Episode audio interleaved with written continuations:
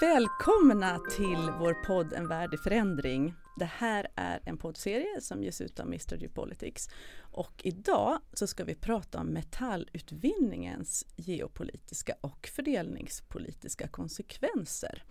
Då handlar det om både globala och lokala spänningar, om olika dimensioner av både rättvisa och säkerhet. Eh, metallerna som det handlar om, det är ju metaller som behövs nu i, i den nya, i den här transformationen vi pratar om från fossilt till förnybart och framför allt i elektrifieringen. Vi är väl allt fler som eh, nosar på en ny elbil och så vidare. De blir allt vanligare. Och eh, vi känner ju till rätt väl vilka vinnarna och förlorarna är i den, i den fossila ekonomin, om man får uttrycka sig så. Men hur ser det ut framöver? Vilka länder och vilka nationer eh, vinner och förlorar, men också vilka individer.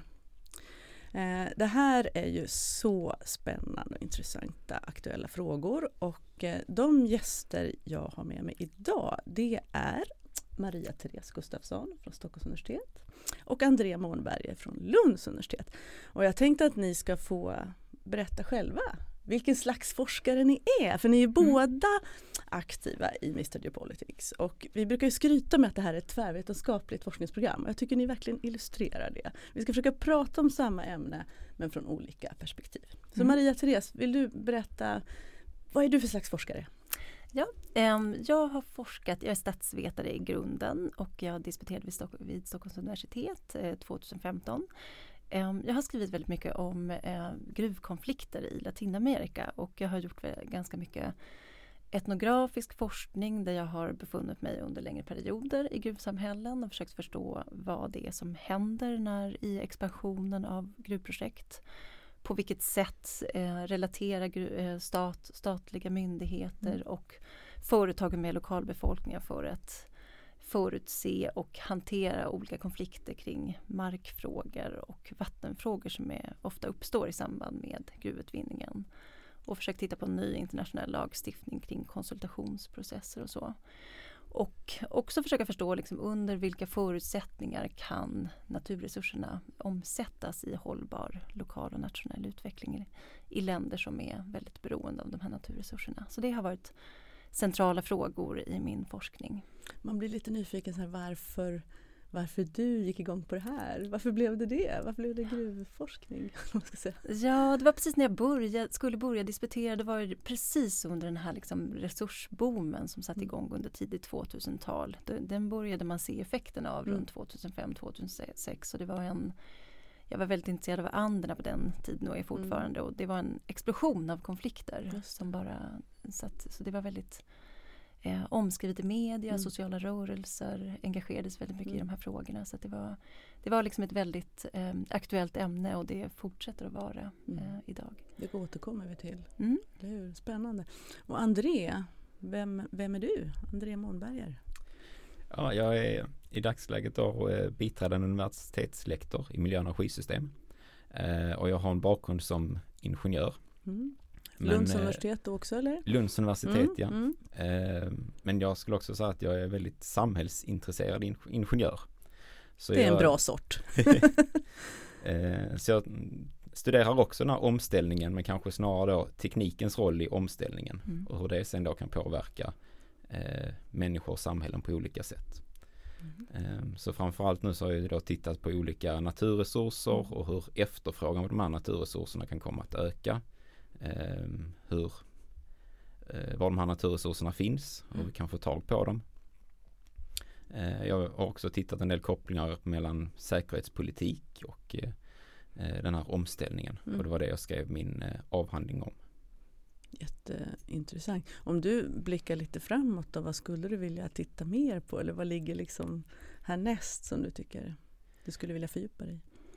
Det är ju andra delar av den här omställningen då så framförallt så handlar det om återvinningsflöden och mm. hur det kan komma att påverka eh, påverka säkerhetspolitik och geopolitik på olika sätt.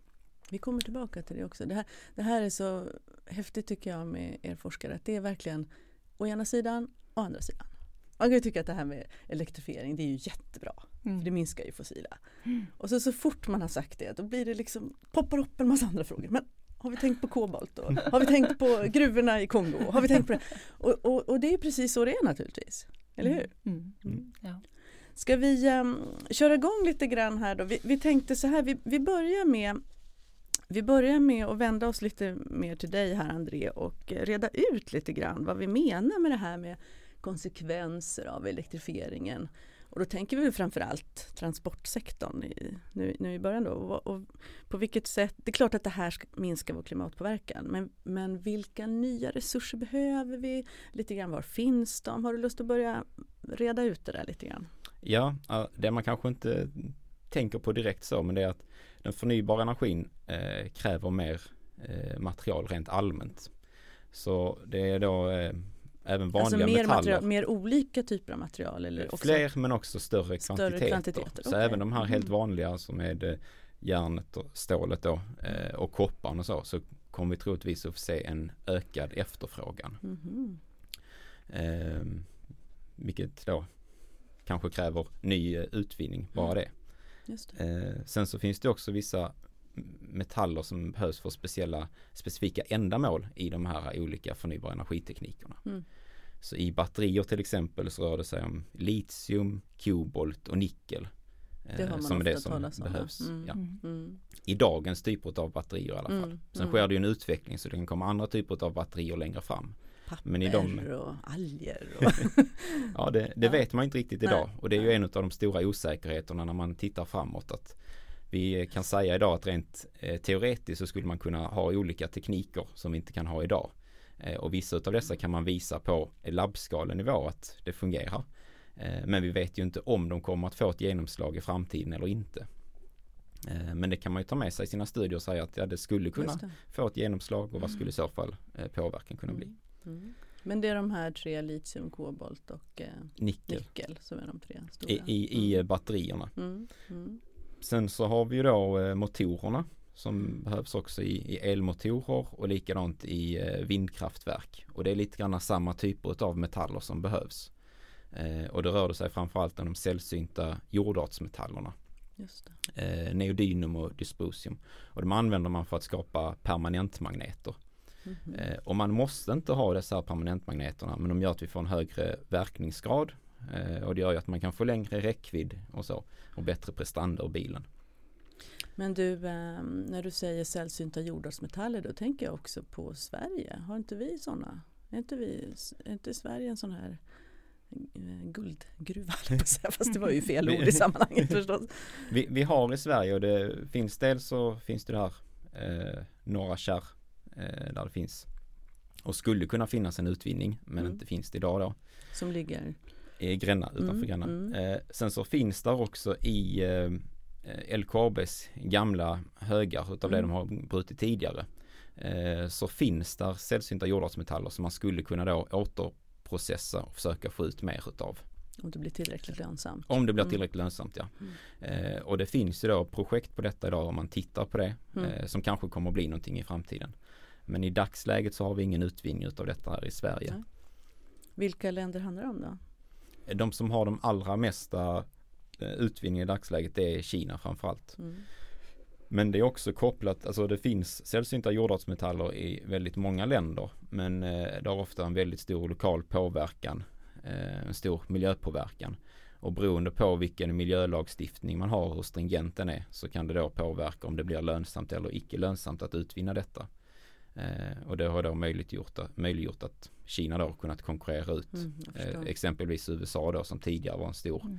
eh, nation för utvinning av detta. Mm. Och vi backar till de här andra, eh, du sa ju också koppar och du sa och Eh, ko- kobolt. Ja ja, just det, ko- kobolt, förlåt. Kobolt, nickel och litium. Och Mm. var, var har vi dem någonstans? Eh, Litiumet framförallt är i eh, ett par sydamerikanska länder. Så eh, Chile, Argentina och Bolivia är de som står för den stora delen. Nu, nu är det lite grann oklart exakt hur mycket som kan utvinnas från de här länderna för olika kostnader och så. Ehm, så Bolivia räknas ibland inte med som de, även om de då teoretiskt borde kunna ha ganska mycket. Ja, okej. Så Chile är de som eh, utmärker sig där. Mm. Mm. Eh, sen så finns det också i andra länder, till exempel Australien och även Kina har en del. Mm. Eh, men det är lite grann olika utvinningsprocesser också. Så att eh, Chile har en väldigt billig produktionsmetod kan man säga för det. Okay. Det som är nackdelen för det som kommer in på lokala planet mm. är att det är ganska vattenkrävande. Mm. Så mm. för det lokala eh, jordbrukarna och så, så kan det bli, bli stora problem. Mm. Men det är en eh, i övrigt då en ganska så miljömässigt eh, effektiv metod jämfört med det som man har i Australien till exempel. Vill du komma in där eh, Maria Therese? Ja, ja absolut. Alltså det, för det där är ju verkligen en sån här central fråga när det gäller gruvnäringen kring vattenfrågor. För att, och det är ju så mycket beroende på hur de lokala, lokala miljön och liksom demografin ser ut. Bor det mycket människor på den här platsen? Är det, och hur livnär de sig på småskaligt jordbruk? För då kan ju effekterna bli väldigt, väldigt stora. Eh, men i andra fall så tänker jag att gruvnäringen kan ses, betraktas som en stor möjlighet för lokalbefolkningar till ekonomisk utveckling i en kontext där det inte finns så många andra möjligheter. Så det är så väldigt mycket liksom, vilken effekt det får är så beroende på hur det ser ut på det lokala planet. Ser det, det väldigt ju... olika ut i olika av de här Ja, länderna? jag tänker att det ser väldigt, ofta mm. väldigt olika ut som i, i kontexter där det finns väldigt stor vattenbrist från början så kan det här ju bli en ganska explosiv mm. situation där eh, mm. och eh, vatten, och de lokala bönderna är beroende av de här vattenresurserna. Då blir uppstår för kopparutvinningen och litium, det kräver ju väldigt mycket vatten i själva liksom hela produktionsprocessen. Och om det redan då finns ont om vatten från början så kan ju, eh, och företagen är väldigt, det beror ju också på såklart hur företagen hanterar den här processen. Det finns företag som är väldigt ansvarsfulla mm. och förankrar eh, projekten med lokalbefolkningen och berättar exakt vilka risker som finns mm. associerade med det här och spenderar mer pengar i att hitta solida tekniska lösningar som gör att man kan dela på vattnet på ett sätt som är, betraktas som mer hållbart. Och sen finns det ju andra företag som bara kör på och eh, försöker liksom använda ganska klientelistiska strategier och mm. eh, försöka liksom exkludera oppositionella grupper som börjar ifrågasätta det här. Så det är, det är väldigt stor skillnad från företag till företag och det är väldigt stor skillnad från eh, de liksom miljömässiga och tekniska förutsättningarna mm. som finns från plats till plats i min mm. bild av det hela. Mm. Det är ändå lite ris och ros då, att det också finns bra exempel. Ja, kanske finns ett håll, en hållbar gruvdrift? Ja, eh, ja alltså det, det, är klart att jag tänker att det är väl hur. Jag, jag tror mm. absolut mm. att det handlar om hur man utvinner och i vilken omfattning. Mm. Så att jag har ju tittat på projekt både där det har liksom funkat väldigt, väldigt bra mm. och projekt där det har liksom blivit väldigt stora konflikter kring. Mm. Och, um, kring liksom den här utvinningen och det har haft väldigt negativ effekt på den uh, långsiktiga regionala utvecklingen. Just um, Eh, vi har inte nämnt Kongo va? Är det där koboltet mm. eh, utvinns Andrea? Precis. Det är ju så. sånt man läser rätt mycket om och de här gruvorna i Kongo. Ja. Ganska eländiga. Så, mm. så kobolten används då mm. i litiumbatterierna som finns eh, i de flesta elbilarna. Mm. Um, så köper och, man en elbil då har man liksom kobolt? Ja, man... i, idag är det så om mm. man köper den i, i Sverige i alla fall mm. med de som finns. För att det, det höjer prestandan på batterierna. Eh, och, och, har behövts för att få de här batterierna att vara stabila och fungera. Mm. Eh, men det jag också tror man ska ta med sig där det är att batteritillverkarna de har eh, snappat upp då att koboltpriserna steg väldigt kraftigt fram till för något år sedan.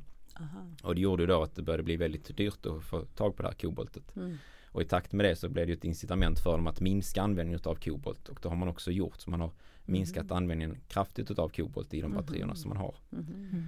Eh, sen parallellt med detta så har det skett en efterfrågan på större batterier. Just så att då har man ju tagit ut det med att man har haft mm. större batterier så att totala användningen av kobolt eh, fortsätter att öka då i batterierna. Men det hade kunnat bli ännu mer. Men det hade kunnat mm. bli mindre ja. Och det Men... finns eh, teoretiskt möjlighet att minska koboltanvändningen mm. kraftigt framöver. Okay. Men litiumet det är lite annorlunda, det måste vi ha för att batteriet ska fungera? Ja, och, om man har eh, litiumbatterier så krävs mm, det ju. Mm. Eh, och i dagsläget och in i, i de kommande åtminstone mm. 10-20 åren så eh, är ju litiumbatterier det mm. som, som mm. gäller. Mm. Eh, där finns ju teoretiskt att man kan ha andra batterier istället. Mm. Eh, men de kommer inte ha lika bra prestanda. Okay. Så att Mm. man, man, skulle till exempel kunna använda natrium som man har i vanligt bordsalt Mm. eh, till att Mm. göra batterier. Eh, som kommer kunna vara bra. Mm. Eh, men de kommer aldrig kunna bli riktigt lika bra som de här litiumbatterierna då. Men, men eh, skulle de kunna vara good enough? Ja, Alltså, Eh, ja. många elmotorer är ju onödigt kraftfulla. Ja. Just det. Alltså, ja en- precis, en, precis. eh, Så att, eh, precis. Så att, och det, det är ju då en möjlighet som kan finnas i framtiden om, om de här litiumet skulle bli, eh, bli ett problem att få tag på det av olika. Det behöver inte vara att det inte finns tillräckligt mycket rent eh, alltså fysiskt utan Mm. det kan ju vara andra begränsningar som gör att eh, man inte kan komma åt det. Det. Och då Det finns kan det, också vara begränsningar i de här företagens marknadsföringsmodeller kanske. Köp en lite mindre kraftfull motor. Fast å andra sidan är den hälften så dyr så kanske man tycker att det är toppen. Ja. Alltså det är ju inte alltid det här som fortast är bästa. Det styrs ju Mm. väldigt mycket av annat också. Maria Therese, när du, när du tittar på de här eh, miljöerna nu då i, i de här olika delarna av världen. Du sa nyss att det ser väldigt olika ut. Mm. Det finns väl också likheter antar jag och, och eh, vill, vill du berätta lite vad du mer har fått fram där? Ja, jag kan kanske börja med att prata liksom lite kopplingen mellan Mm. naturresursutvinning och hållbar utveckling. För eh, gruvnäringen den har ju liksom en, jag tänker att det är viktigt för att liksom Mm, situera det i mm, någon slags mm. bredare kontext. Att gruvnäringen har en, en ganska liksom komplicerad förhållande till utveckling rent historiskt. Det är ju kopplat till kolonialism och så. Jag vet inte om ni känner till att eh, det här begreppet, liksom, det finns väldigt mycket forskning som pekar på att förekomsten av mineraler eh, har ofta lett till våldsamma konflikter, till Mm. underutveckling, till korruption och flera sådana problem. Och det brukar man ofta prata om i termer av naturresursförbannelsen. Naturresursförvandelse. Ja, och det är ju ett begrepp som har liksom både, liksom, det har forskats mycket på, det har det liksom också eh, kritiserats. Men Kan själva du, liksom, kan du berätta vad, vad innebär naturresursförbannelse? Den innebär att själva, liksom, själva tanken är att länder som har eh, mycket naturresurser tenderar att liksom ha väldigt svårt att omsätta de här naturresurserna i någon slags hållbar social och Mm. ekonomisk och miljömässig utveckling. Eh, och själva förklaringen som man har till det här är att eh, de här eliten i de här länderna, den politiska eliten, de Eh, ofta rör det sig om väldigt stora nationella företag eller internationella företag och eliten, den politiska eliten då etablerar ofta en väldigt nära relation till de här företagen. Mm. Eftersom att de bidrar till Korruption. väldigt stora, ja Tänker exakt, Mm. väldigt stora skatteintäkter och de blir väldigt viktiga då. Eh, och det innebär att man utformar ofta lagar och hela statsapparaten Mm. På ett sätt som gör att, den, att det blir liksom i enlighet med de här företagens Det intressen. blir liksom en osund balans eller. Ja, man brukar tala om liksom att de um, capture, state capture, att man liksom Mm. ehm, fångar staten på något vis. Mm. Eh, och då, vad som händer då är ju att mycket liksom, um, ja, policymaking och mycket lagar och regleringar utformas i enlighet med, med de här företagens intressen. Mm. Samtidigt då som ehm, befolkningen som kanske i många länder då där det finns väldigt informella ekonomier, småskaligt jordbruk och så vidare som inte betalar så mycket skatt. Det. Det blir inte lika intressant att liksom driva en politik i de gruppernas intressen och därför så blir det ofta liksom lagstiftning på miljöområdet, eh, utbyggnaden av välfärdsstaten. Mm. Den blir ofta väldigt bristfällig Mm. i de här länderna. Kan vi se likheter i den fossila liksom, ekonomin så att säga, med oljeutvinning eller är det helt olika mekanismer? Om vi tittar på gruv och tittar på olja.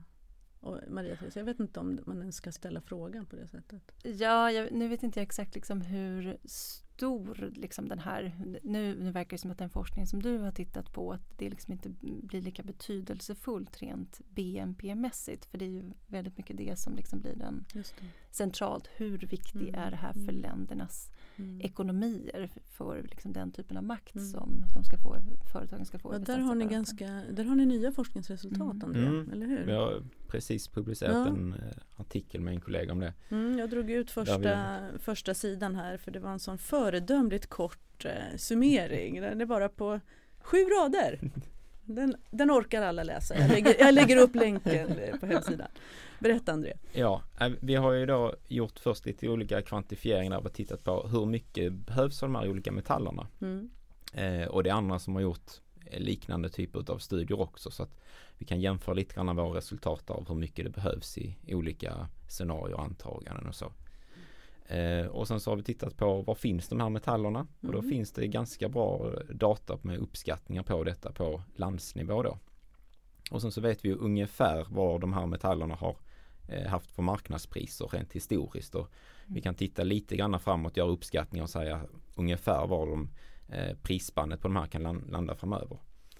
Eh, och då har vi då gjort en ganska grov analys där vi har tittat på vad skulle detta kunna bli för intäkter från den här utvinningen för olika länder. Så eh, jämfört då med deras BNP.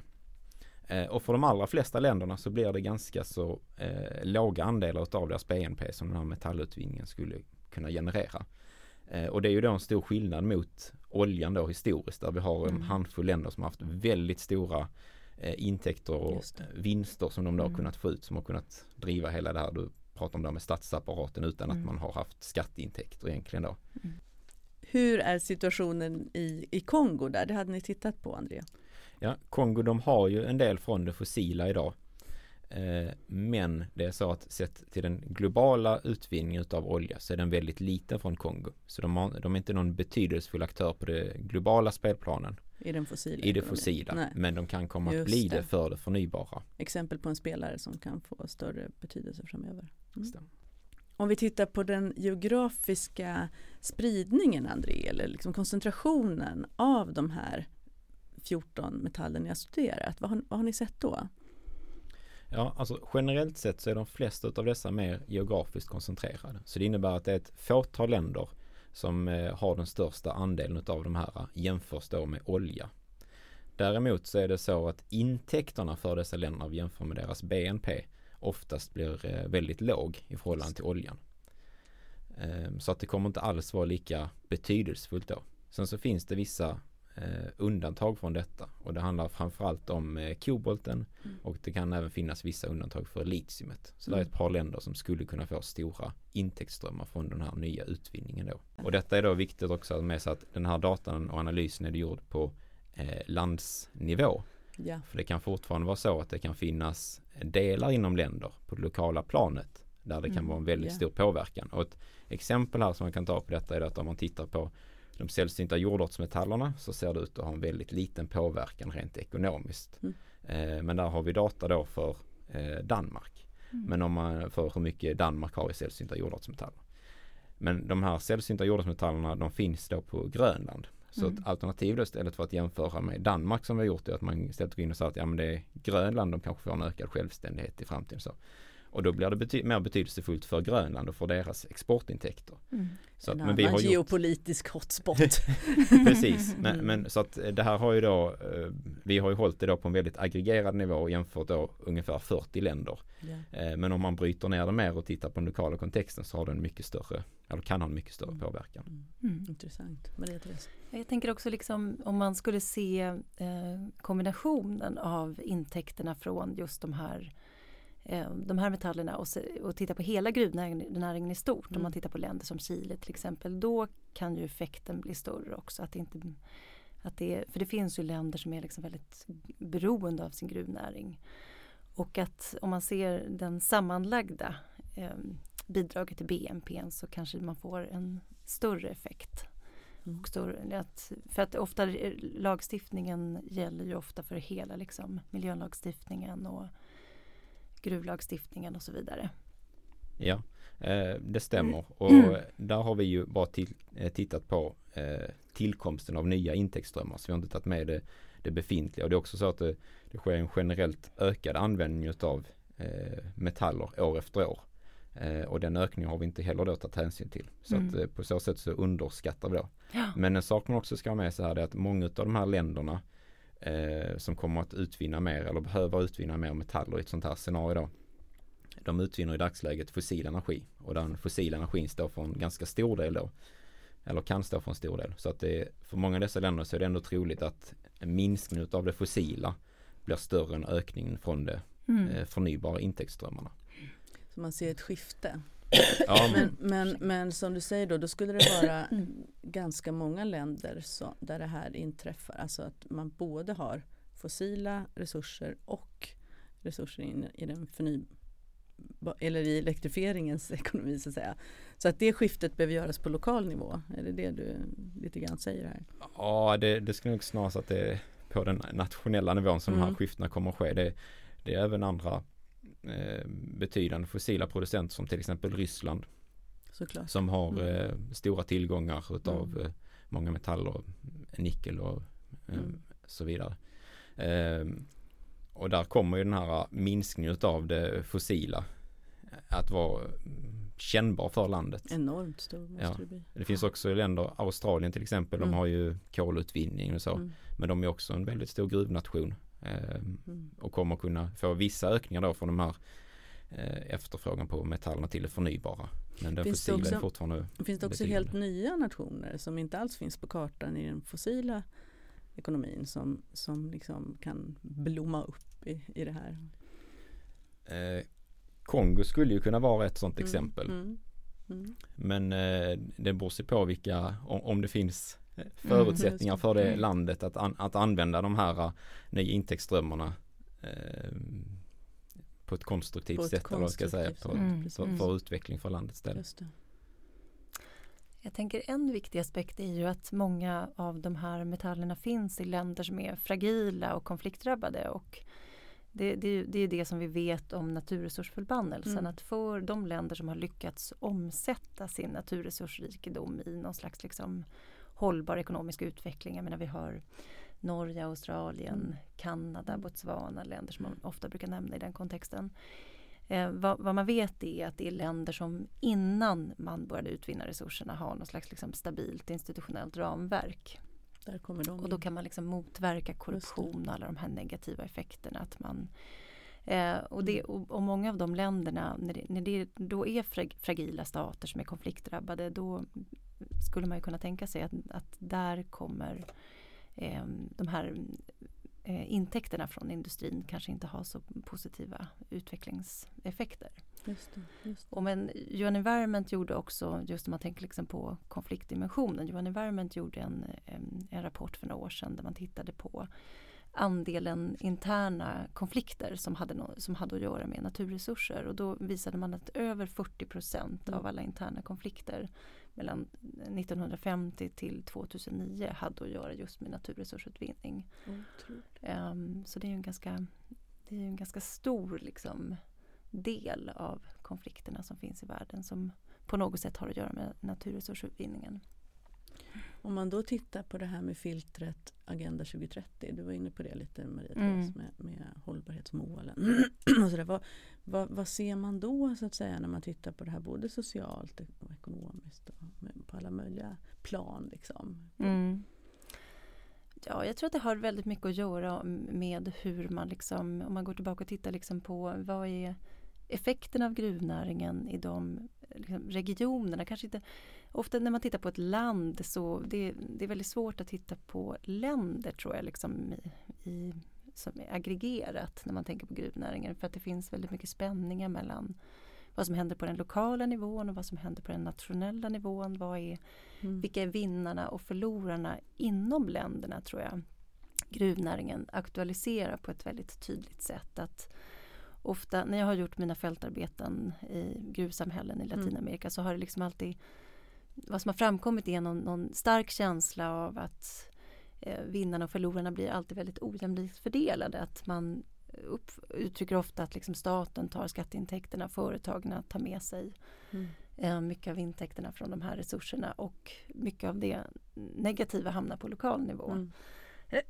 och det har ju att göra med liksom att um, gruvnäringen den tar väldigt mycket mark, den tar väldigt mycket vatten i anspråk och, och det uppstår ofta en, en, en konkurrenssituation om just vattenresurserna.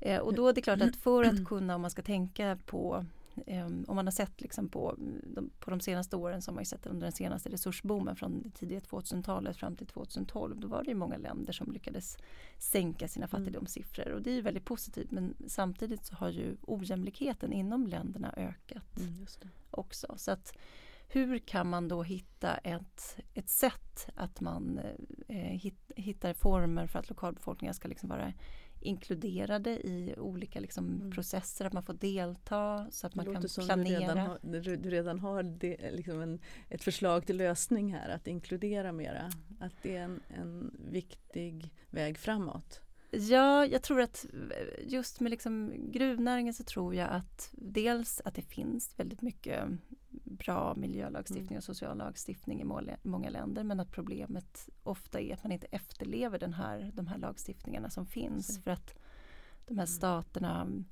Staten har, resurserna utvinns ofta på platser som är väldigt avlägsna där staten inte riktigt har förmågan att, att mm. följa upp vad som händer så att det blir det blir ofta, det, det, finns eh, lagar och regler på pappret men som inte implementeras och det är ett väldigt stort problem. Så jag tror att det finns jag tror att man vet väldigt mycket, väldigt väl vad det är som behövs men att implementeringen av det här är väldigt bristfällig.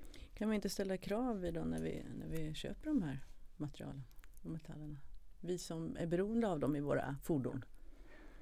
Jo, jag tror att det är Jag tror att det som man tittar på det nu väldigt mycket så är det ju liksom att man tittar på hur löser vi konflikterna på lokalt plan och det går liksom att delvis går det liksom att förbättra hur saker och ting, hur liksom utvinningen går mm. till och hur man förhåller sig till lokalbefolkningen på lokalt plan.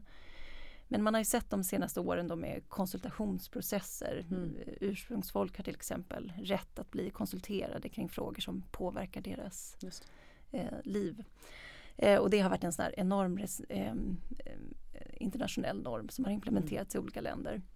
När de här liksom internationella normerna ska översättas till lokal nivå då är det på något sätt den lokala nivån blir som någon slags implementeringsnivå av beslut som har fattats på investeringsbeslut som har fattats någon annanstans på internationell nivå i de här mm. företagen. Mm.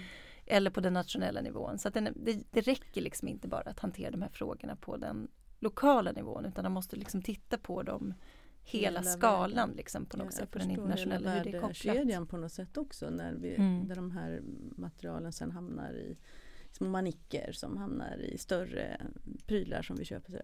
Mm. Men jag tänker ändå om man jämför med till exempel textilindustrin eller, eller också livsmedel att vi har blivit bättre på att, att liksom spåra ja. och, och att märka ja. varor och då har vi också en förmåga att utöva vår konsumentmakt. Hur tänker du Andrea? Ja, där finns det vissa sådana lagstiftningar eller försök till lagstiftning kring just spårbarhet på metaller. Mm.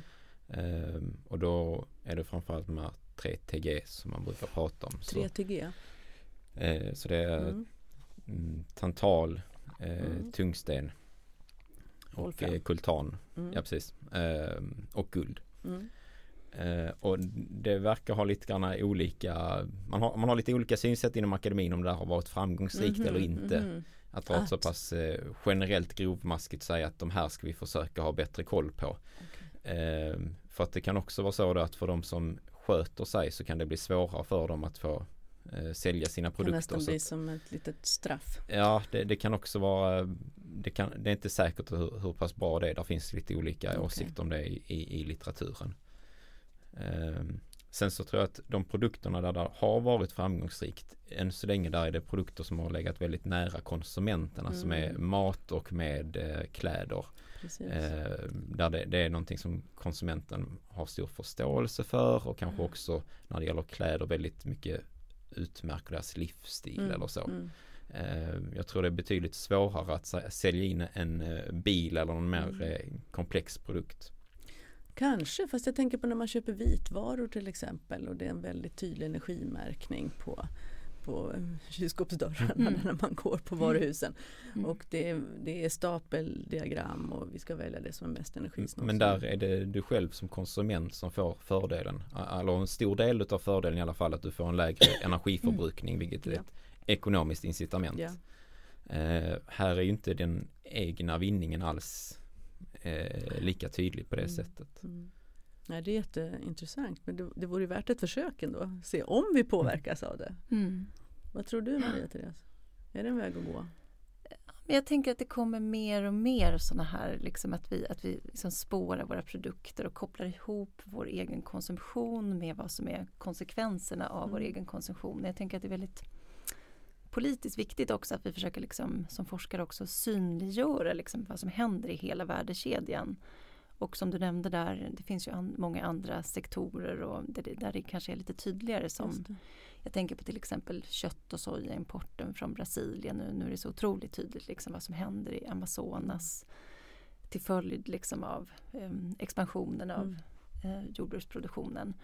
Men att vi på något sätt hittar former att liksom synliggöra, att pedagogiskt visa vad som är effekterna av vår konsumtion i andra länder och kanske reglera det mer härifrån genom att reglera konsumtionen och genom olika certifieringar och mm. olika regleringar från. Det finns ju, händer, händer ju mycket inom EU på den fronten nu också och jag tror att det är väldigt viktigt att man bara inte försöker liksom hantera det på det lokala planet för att det blir så otillräckligt att försöka få till stånd mer hållbar gruvdrift genom att bara förbättra saker och förskjuta problemet på något sätt i de här länderna och peka på för det blir, det blir väldigt lätt så att man pekar på att det är problem med de här länderna för de är så, eh, de är så korrupta, det finns så mycket konflikter där och därför lyckas inte de här, just de här länderna omsätta alla de här pengarna som vi gör. För, för företagen har ju någon slags intresse av att eh, på något sätt stärka en diskurs av att gruvnäringen som en Mm. Eh, som ett sätt att liksom få till stånd en utveckling. Det, det är ju den diskursen mm. som företagen mm. och staterna ofta eh, försöker sprida. Mm. Eh, men det är, krävs någonting också från de länderna, de företagen som agerar i de här länderna. För att om man bara skulle liksom följa lagstiftningen i länder som Peru och Chile och så, då blir det så väldigt otillräckligt. För att mm. lag, lagstiftningen, ja, den är, den är bra på många sätt den som finns men, men den är inte tillräcklig för att det ska liksom eh, leda till en hållbar miljömässig och social utveckling i länderna. Så att man måste se det i hela värdekedjan tror jag. Och här tror jag att vi måste ta vårt ansvar verkligen som konsumenter också. Att jag tänker det är ganska intressant det här med just eh, det här begreppet flygskam som mm. diskuteras så mm. flitigt. Liksom, för det handlar om någon slags normförändring. Eh, att man kanske inte är nu får man ju på något sätt status, man är cool om man kommer körandes i en snygg Tesla men man kanske ska cykla istället eller man kanske ska mm. inte köpa nya kläder ständigt utan det kanske ska vara mer socialt accepterat med Det börjar förstås bli det inom vissa grupper liksom att man köper second hand kläder och så men men jag tror att det är mycket arbete som måste göras här. Eh, mycket politiskt arbete och liksom mycket också synliggörande av vår forskning som måste göras här i, i väst.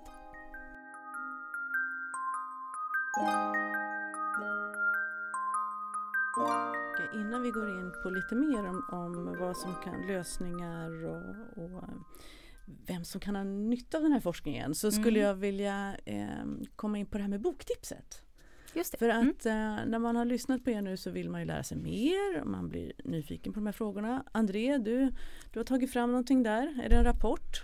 Ja, det, det är en eh, liten tunn rapport här som heter A New World Geopolitics of the Energy Transformation. Just det. Så det är förnybara eh, energinätverket IRENA som har tagit fram mm, denna mm. rapporten. Eh, men den är skriven av eh, tre länder som stod bakom den. Eh, så det var Norge, Tyskland och Förenade Arab Emiraten. Emiraten ja, den är svår. Vilken eh, intressant kombination av länder. Ja, det tyckte jag också. Det var väldigt intressant för att deras, det de tittar på det är ju då vilka är de stora tänkta vinnarna och mm. de stora tänkta förlorarna mm. sett till mm. olika länder då i den här omställningen. Yeah. Eh, och det är därför jag tycker det är lite intressant att de tar upp just dessa här eh, tre länderna. För de utmålar ju då att det blir, kan bli betydande problem för de oljeberoende staterna. Mm. Eh, framförallt i Mellanöstern där man har byggt upp hela statsapparaten på de här intäktsströmmarna som finns idag. Och det är svårt att se hur dessa här staterna, eller vissa av dessa staterna, kommer att klara en sån här eh, mm. kraftig och snabb omställning med hur de ska ja, diversifiera hela sin ekonomi och bygga upp sina samhällen och institutioner på ett helt annat sätt än vad de har gjort. Eh, sen så pekar man också ut mm. lite grann olika vinnare. Mm. Och det tycker jag också är lite intressant där kopplat kring den metallforskning eh, jag själv har gjort då att metallerna i sig har ju då generellt en liten andel utav eh, BNP. Så att det de tittar på då istället är vilka har patenten och vilka har de här immateriella rättigheterna på den förnybara mm. energitekniken. Eh, för det är det då de säger att de staterna som kommer att kunna få en stor del av de här intäktsströmmarna då istället är de som kontrollerar den här tekniken. För det är där, den där de nya värdena uppstår istället. Eh, och där hittas exempelvis länder som Kina då istället som har väldigt mycket patent på det här. Mm. Eh, EU har också ganska mycket patent men det är framförallt eh, Tyskland som sitter på de patenten och USA också. Mm. Intressant. Så det blir en annan, en annan typ av spelplan. Ja men det är ju det eh. här som är så eh, roligt att få fördjupa sig lite i. A, A New World heter den. Och vi lägger ut bild och länk på, på hemsidan så hittar ni Den, den. går att eh, ladda ner. Den går att ladda på, ner, precis. På nätet. Mm. Tack Andrea. Vad, vad, tog du med dig? Mm. Jag tog med mig en bok som heter The Shadows of Consumption av Peter mm. Davern. Och det är en väldigt eh, välkänd forskare, en samhällsvetare. Mm. Eh, och han, vad han gör i den här boken egentligen det är att liksom försöka spåra eh, olika... Det det vi var inne på nyss. Ja det är väldigt mycket mm. det som vi var inne på nyss. Liksom. Det handlar om att försöka spåra och eh, synliggöra den ekologiska eh, skuggan som han kallar det av vår konsumtion och liksom han spårar liksom objekt tillbaka till de platser som de mm eh, produceras på. Och det blir liksom att försöka länka och se världen, hur världen hänger ihop och hur vår konsumtion hänger ihop med mänsklig säkerhet och eh, konflikter och miljöproblem i olika delar av världen. Jag tycker att det är en jag tycker att det är väldigt viktig forskning på det sättet att liksom försöka se eh, de här flödena som faktiskt finns och hur världen hänger ihop och hur eh, vi som, man tycker att det är en ganska oskyldig handling att sitta och att gå och köpa ett par strumpor eller att gå att konsumera vissa matvaror och så. Men att vi liksom ser, synliggöra eh, vår del i det här. Och jag tänker på jag tänker på det här välkända exemplet från Peter Singer när han mm. eh, beskriver hur man, man man kommer där i en jätteny, ny, väldigt dyr jacka och så ser man ett barn som håller på att drunkna in till en. Man tvekar inte en sekund, de flesta människor, bara hoppar i och räddar det här barnet. Men så kommer det ett brev på posten där man kan också rädda ett barn för 100 kronor i månaden. Mm. Och det är så lätt att bara lä lägga undan det här. Det blir eh, för långt ifrån. Också. Det är för långt ifrån många... liksom. Och det knyter an mm. till det här Gränna-fallet mm. också. Hur vi liksom eh, har mycket lättare att relatera till det som händer i mm. vårt närområde. Mm. Och att, men Peter Singer menar ju att man har ett moraliskt ansvar. Att om man har möjlighet så måste man rädda båda de här barnen och inte bara det här barnet som man ser framför sig um, som håller på att drunkna. Vilken då. annorlunda värld det skulle bli om vi levde lite mer så. spontant.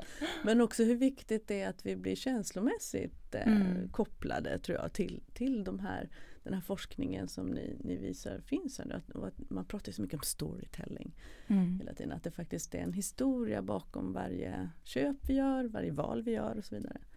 Mm. Spännande, den där ska jag verkligen eh, beställa och titta i. Den lät också väldigt intressant. Mm. Tack ska ni ha. Ska vi ägna några minuter nu mot slutet då och, och mm. försöka titta framåt. Eh, jag vill ju väldigt gärna att det blir lite positivt om det går. Så, så alltså kan vi både hantera klimatkrisen och säkerställa lokal utveckling som du har varit inne på eh, Maria Therese och också den, de här eh, hantera de nya vinnarna och förlorarna i den här geopolitiska nya spelplanen. André, vad, vad, vad, vad säger ni sådär brett och stort först? Vill du börja André? Hur ser du på framtiden? Mm. Eh, framtiden är ju oviss så det är det som gör den så intressant också att studera Exakt. ju. Eh, men det jag kan ta med mig lite grann från min forskning då. Mm. Eh, det handlar om vilka möjligheter vi har att hantera olika situationer, så olika brister eller olika, ja, olika sätt att parera vad som skulle kunna inträffa. Mm. Och där tror jag vi har väldigt stora möjligheter. Eh, det ena handlar ju då om en teknikutveckling för att bli effektiva och minska metallbehovet i de teknikerna vi använder. Mm. Men det är också så att det sättet som vi använder dem på har väldigt stor påverkan. Så att om man använder dem i elbilar då för att ta batterier eh, så behöver vi väldigt mycket Mm. eh, metaller. Men om man istället har mer eh, kollektivtrafik med elbussar istället så minskar man eh, det här metallbehovet radikalt. Mm. Så där finns ju en väldigt stor möjlighet för oss att ha rådighet över situationen här i Sverige och vilka beroenden eh, och sårbarheter vi skapar med de eh, vägvalen vi gör. En annan sak det är ju då det här med återvinningen som vi pratade lite Mm. grann kort om i början. Mm. Att i dagsläget så är det så att vi har stora ökningar av vissa då metaller som inte har använt så mycket historiskt. Och då är det ju eh, då räcker inte återvinningen till Ja, för att vi har inte inte de, här metallerna. Nej, Men om, om vi tar fram tekniker och batterier på ett sätt som gör att vi kan återvinna dem så kommer vi ju så småningom att nå upp till en nivå där vi kan börja använda de här Mm. cirkulära flödena då istället. Är inte Men- det ett krav framöver? Måste Eh, vi inte tänka? eh, Blir inte det? Ja, eh, men grejen är ju Självklart. att det finns ju tillräckligt mycket resurser för att vi ska kunna ställa om samhället. Men om vi långsiktigt ska kunna ha ett förnybart energisystem eh, då krävs det att vi återvinner metallerna för annars så kommer de så att säga ta slut. Mm. då krävs det också att vi tar fram och designar produkterna på ett sätt så att vi kan återvinna dem. Och det är någonting vi måste göra redan idag. Mm. Så att man måste designa dem på ett sätt Mm. så att de kan Mm. återvinnas. Ser du att det här är på gång? Eh, både ja och nej. Eh, där, finns eh, vissa företag som eh, eh, går bräschen för att detta ska vara möjligt. För att Mm. då kan det vara ett sätt för dem själva att säkra sin egen råvarutillgång långsiktigt då. Om de Mm. möjliggör att Kan man kan tillbaka. återvinna. Precis. Mm. Mm. Men det är också så att det finns mycket företagshemligheter om exakt vilka mängder av olika metaller man har i batterier. Eh, och då vill de inte gå ut med det och vet man inte exakt vilka metaller det är så är det mycket svårare att ha en hög återvinningsgrad. Det är rent processtekniskt Mm. så, så blir det mycket svårare om man inte kan ställa in processerna. Mm. Så att eh, det är ju en, en sak som kan vara lite försvårande. Mm. En, en annan sak som jag tror jag också kan ta med mig det är det här kring att det finns backstop-tekniker. Så att Och vad innebär det? Det, det innebär att om det då blir brister på vissa metaller så kan vi falla tillbaka till tekniker som kräver mer eh, vanliga metaller att använda istället. Så om, om vi inte Okej. får möjlighet till de här sällsynta jordartsmetallerna Mm, så mm. kan man göra liknande eh, magnetfält då fast istället använda kopparspolar eller så. Och då blir det lägre verkningsgrad och så men, men det går att göra. Så att Mm. Därför tror jag inte att vissa av de här kritiska medall, metallerna är en, en showstopper om man säger så, för hela omställningen. Det är inte Eh, på eller av utan det, man kan hitta andra vägar fram. Precis, precis. Mm. Så att vi kan lära oss hantera det här på, på olika sätt. Mm. Spännande. Vad, vad säger du Maria Therese utifrån din, dina Ja. perspektiv? Jag tycker att det är så intressant att vi sitter och pratar här från så t- olika perspektiv. Mm. För att jag, eh, och jag tänker att det här, vad, vad, som är, vad som är positivt de senaste åren, tänker jag att det finns all den här teknologiska utvecklingen. Det finns en internationell lagstiftning för att liksom säkerställa att eh, gruvnäringen kan bidra till hållbar utveckling. Och, det, och, och jag har verkligen sett de senaste tio åren en utveckling och Mm. också vad det gäller lagstiftningen i många länder som är beroende av naturresursutvinning. Men sen då vad jag ofta har tittat på och tror är en väldigt viktig bidragande faktor varför, för även om det finns bra lagar och om det finns bra teknik så är det ju inte säkert att man använder den här, att det genomförs på det sättet som det var tänkt. Att de politiska frågorna är så viktiga att förstå. Liksom, finns det ett civilsamhälle som kan hålla staten och företagen ansvariga inför det som han har, de avtal som man har ingått.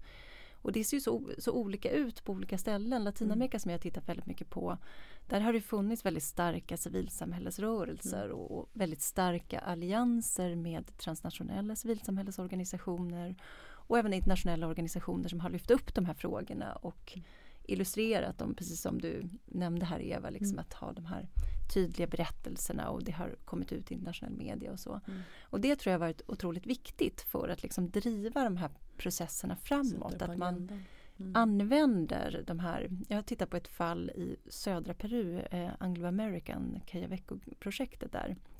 Och det är ett sånt här väldigt intressant projekt för att det är ett fall där man faktiskt har lyckats att hitta använda den liksom, tekniken som finns idag liksom, och fått och det, och det bygger liksom på en, en lång, en 20-årig process av där det regionala styret tillsammans med civilsamhällesorganisationer och internationella aktörer verkligen drivit på processen och fått företagen att verkligen liksom um, ja, ingå i en, um, etablera en dialog med lokalbefolkningen. Hur kan vi göra det här? Hur kan vi säkerställa det lokala jordbruket? Jag tror att de liksom politiska processerna. Och det, det har liksom blivit finns... en win-win situation också för dem. Ja, Mm. faktiskt. Och jag Mm. tror att, liksom att, att kunna se fler sådana historier eh, tror jag är jätteviktigt. Så att det, så, eh, sida vid sida då med att man utvecklar de här tekniska lösningarna som du eh, berättar om som är väldigt intressanta så tror jag att man också måste liksom fortsätta att stärka civilsamhället. Mm.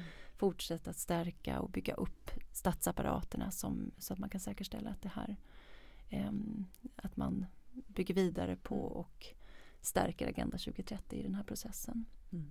Hade du också en viktig Ja, forskningsfråga nej, på ja nej, det, det Mm. tänkte just kring det här med vatten och så, det är just eh, eh, litiumet som jag, jag tänker på då för att det sättet som man har för att producera litium som är väldigt billigt då i, i Sydamerika. Eh, där är det ju en förutsättning då att man har det i väldigt torra, torra platser, torra förhållanden. För man använder Mm. avdunstning. Eh, så stora bassänger där man eh, låter vattnet avdunsta för att på så sätt höja litiumkoncentrationen. Eh, och det är ju då saltöknar där det finns väldigt lite vatten. Så att där Mm. blir det rent på hur det ser ut på platsen så är det ju en torrplats eh, med låg nederbörd. Mm. Och där vattnet då används eller kommer användas till litiumproduktionen vilket ju kommer att påverka då lokalbefolkningen. Mm. Så där blir det ju på så sätt en, en inbyggd spänning i hur de här eh, resurserna utvinns. Eh, om man fortsätter att göra det med den tekniken. Men det är ju en, det är en billig teknik för utvinningen så att det blir ju Mm. det blir ju billigt litium att producera men Mm. eh, med då högt vattenavtryck eller Mm. fotavtryck på Mm. vattenanvändningen. Om, om, om man då är, är politiker eller om man är eh, industriledare eller om man är lärare. Inte vem man är som lyssnar på det här programmet. Men vi, vi, vilka, har, vilka har nytta av er forskning tror ni? Om ni? Har ni funderat på den? Alltså att ni själva tycker det är Mm. jättespännande och att det har långtgående konsekvenser att vi lär oss mer. På olika sätt, det är självklart. Men eh, har ni några sådana där? André, vem skulle du Eh, vilja Ja, jag tycker det är Adressera. ganska brett. Mm. Dels eh, är det väl rent kunskapsmässigt att en intresserad allmänhet hoppas man Jajamän, också blir som lite mer konsumenter och så Ja, precis. Men o- om det kommer till politiken och industrin eh, Mm. så tror jag att en del det handlar ju om det här med intäkterna, med var de nya intäktsmöjligheterna kommer i den här värdekedjan. Att för ett land som Sverige ibland pratas mycket om att vi är en gruvnation och, och hela den delen att vi kan vara en viktig utvinning i Sverige för att möta ökad efterfrågan och sånt. Men om man vill ha eh, jobb och ekonomisk tillväxt och så i Sverige så är, räcker det ju inte med att satsa på gruvnäringen utan då är det ju också andra delar av den här värdekedjan med teknikutvecklingen, med patenten och sånt. Mm. Eh, där man kan få de stora framtida intäktsströmmarna. Sen är det ju också, mm, jag tror att man kan lära sig lite grann från det jag har gjort med hur man kan eh, tänka kring att man diversifierar sina teknikval. Att Mm. inte smalna in allt för mycket eh, och tänka långsiktigt kring vissa av de här frågorna med återvinning och så. Just det. Och eh, innovation och patent och allt på det där du var inne på tidigare. Precis. Jätteintressant. Och, och Maria Therese då, vem skulle du vilja adressera med din forskning? Ja, de här frågorna som jag har jobbat med just kring liksom hur gruvnäringen kan Mm. regleras lokalt och nationellt. Jag har, jag har jobbat en del med nu på senare år med, med eh, Naturvårdsverket som Mm. har ett eh, globalt miljöprogram. Mm. Och det är ju väldigt, det är väldigt många NGOs, det är Mm. väldigt många internationella organisationer som jobbar med som har olika program för att s- ehm, få till stånd en mer em, hållbar gruvdrift. Så jag tror att den forskningen, den, den, den forskning som jag har gjort den är ganska hands-on. Liksom. Den visar väldigt tydligt på konsekvenserna av olika policies. Mm. Em, på något sätt indirekta och förbisedda konsekvenser. Jag tror att, liksom Mm. att det, det är viktigt att försöka förstå vad eh, om, om vi antar en konsultationslag, vad är de indirekta effekterna av det? Och jag tror att det är väldigt viktigt liksom när man eh, skapar biståndsprojekt, olika ut- utvecklingsprojekt, att liksom det, det är väldigt enkelt att liksom försöka hitta en lösning på problem och, men att försöka förstå vad som kan vara de potentiella negativa effekterna av de konsekvenserna. Det tror jag. Så jag tror att det är mycket utvecklingsaktörer som liksom är aktiva i att försöka få till stånd en. En em, hållbar gruvdrift. Det tror jag de skulle kunna vara intresserade. Mycket bra, arbetet fortsätter Ja. där med andra ord. Eh, då skulle jag vilja helt enkelt eh, släppa iväg er här så ni får springa iväg och forska. Eh, det kommer att behövas. Eh, så tack så hemskt mycket André Månberger och Maria Therese Gustafsson för att ni var med i det här avsnittet av podden En värld i förändring. Tack ska ni ha. Det här var ett avsnitt i poddserien En värld i förändring från forskningsprogrammet Miss Geopolitics.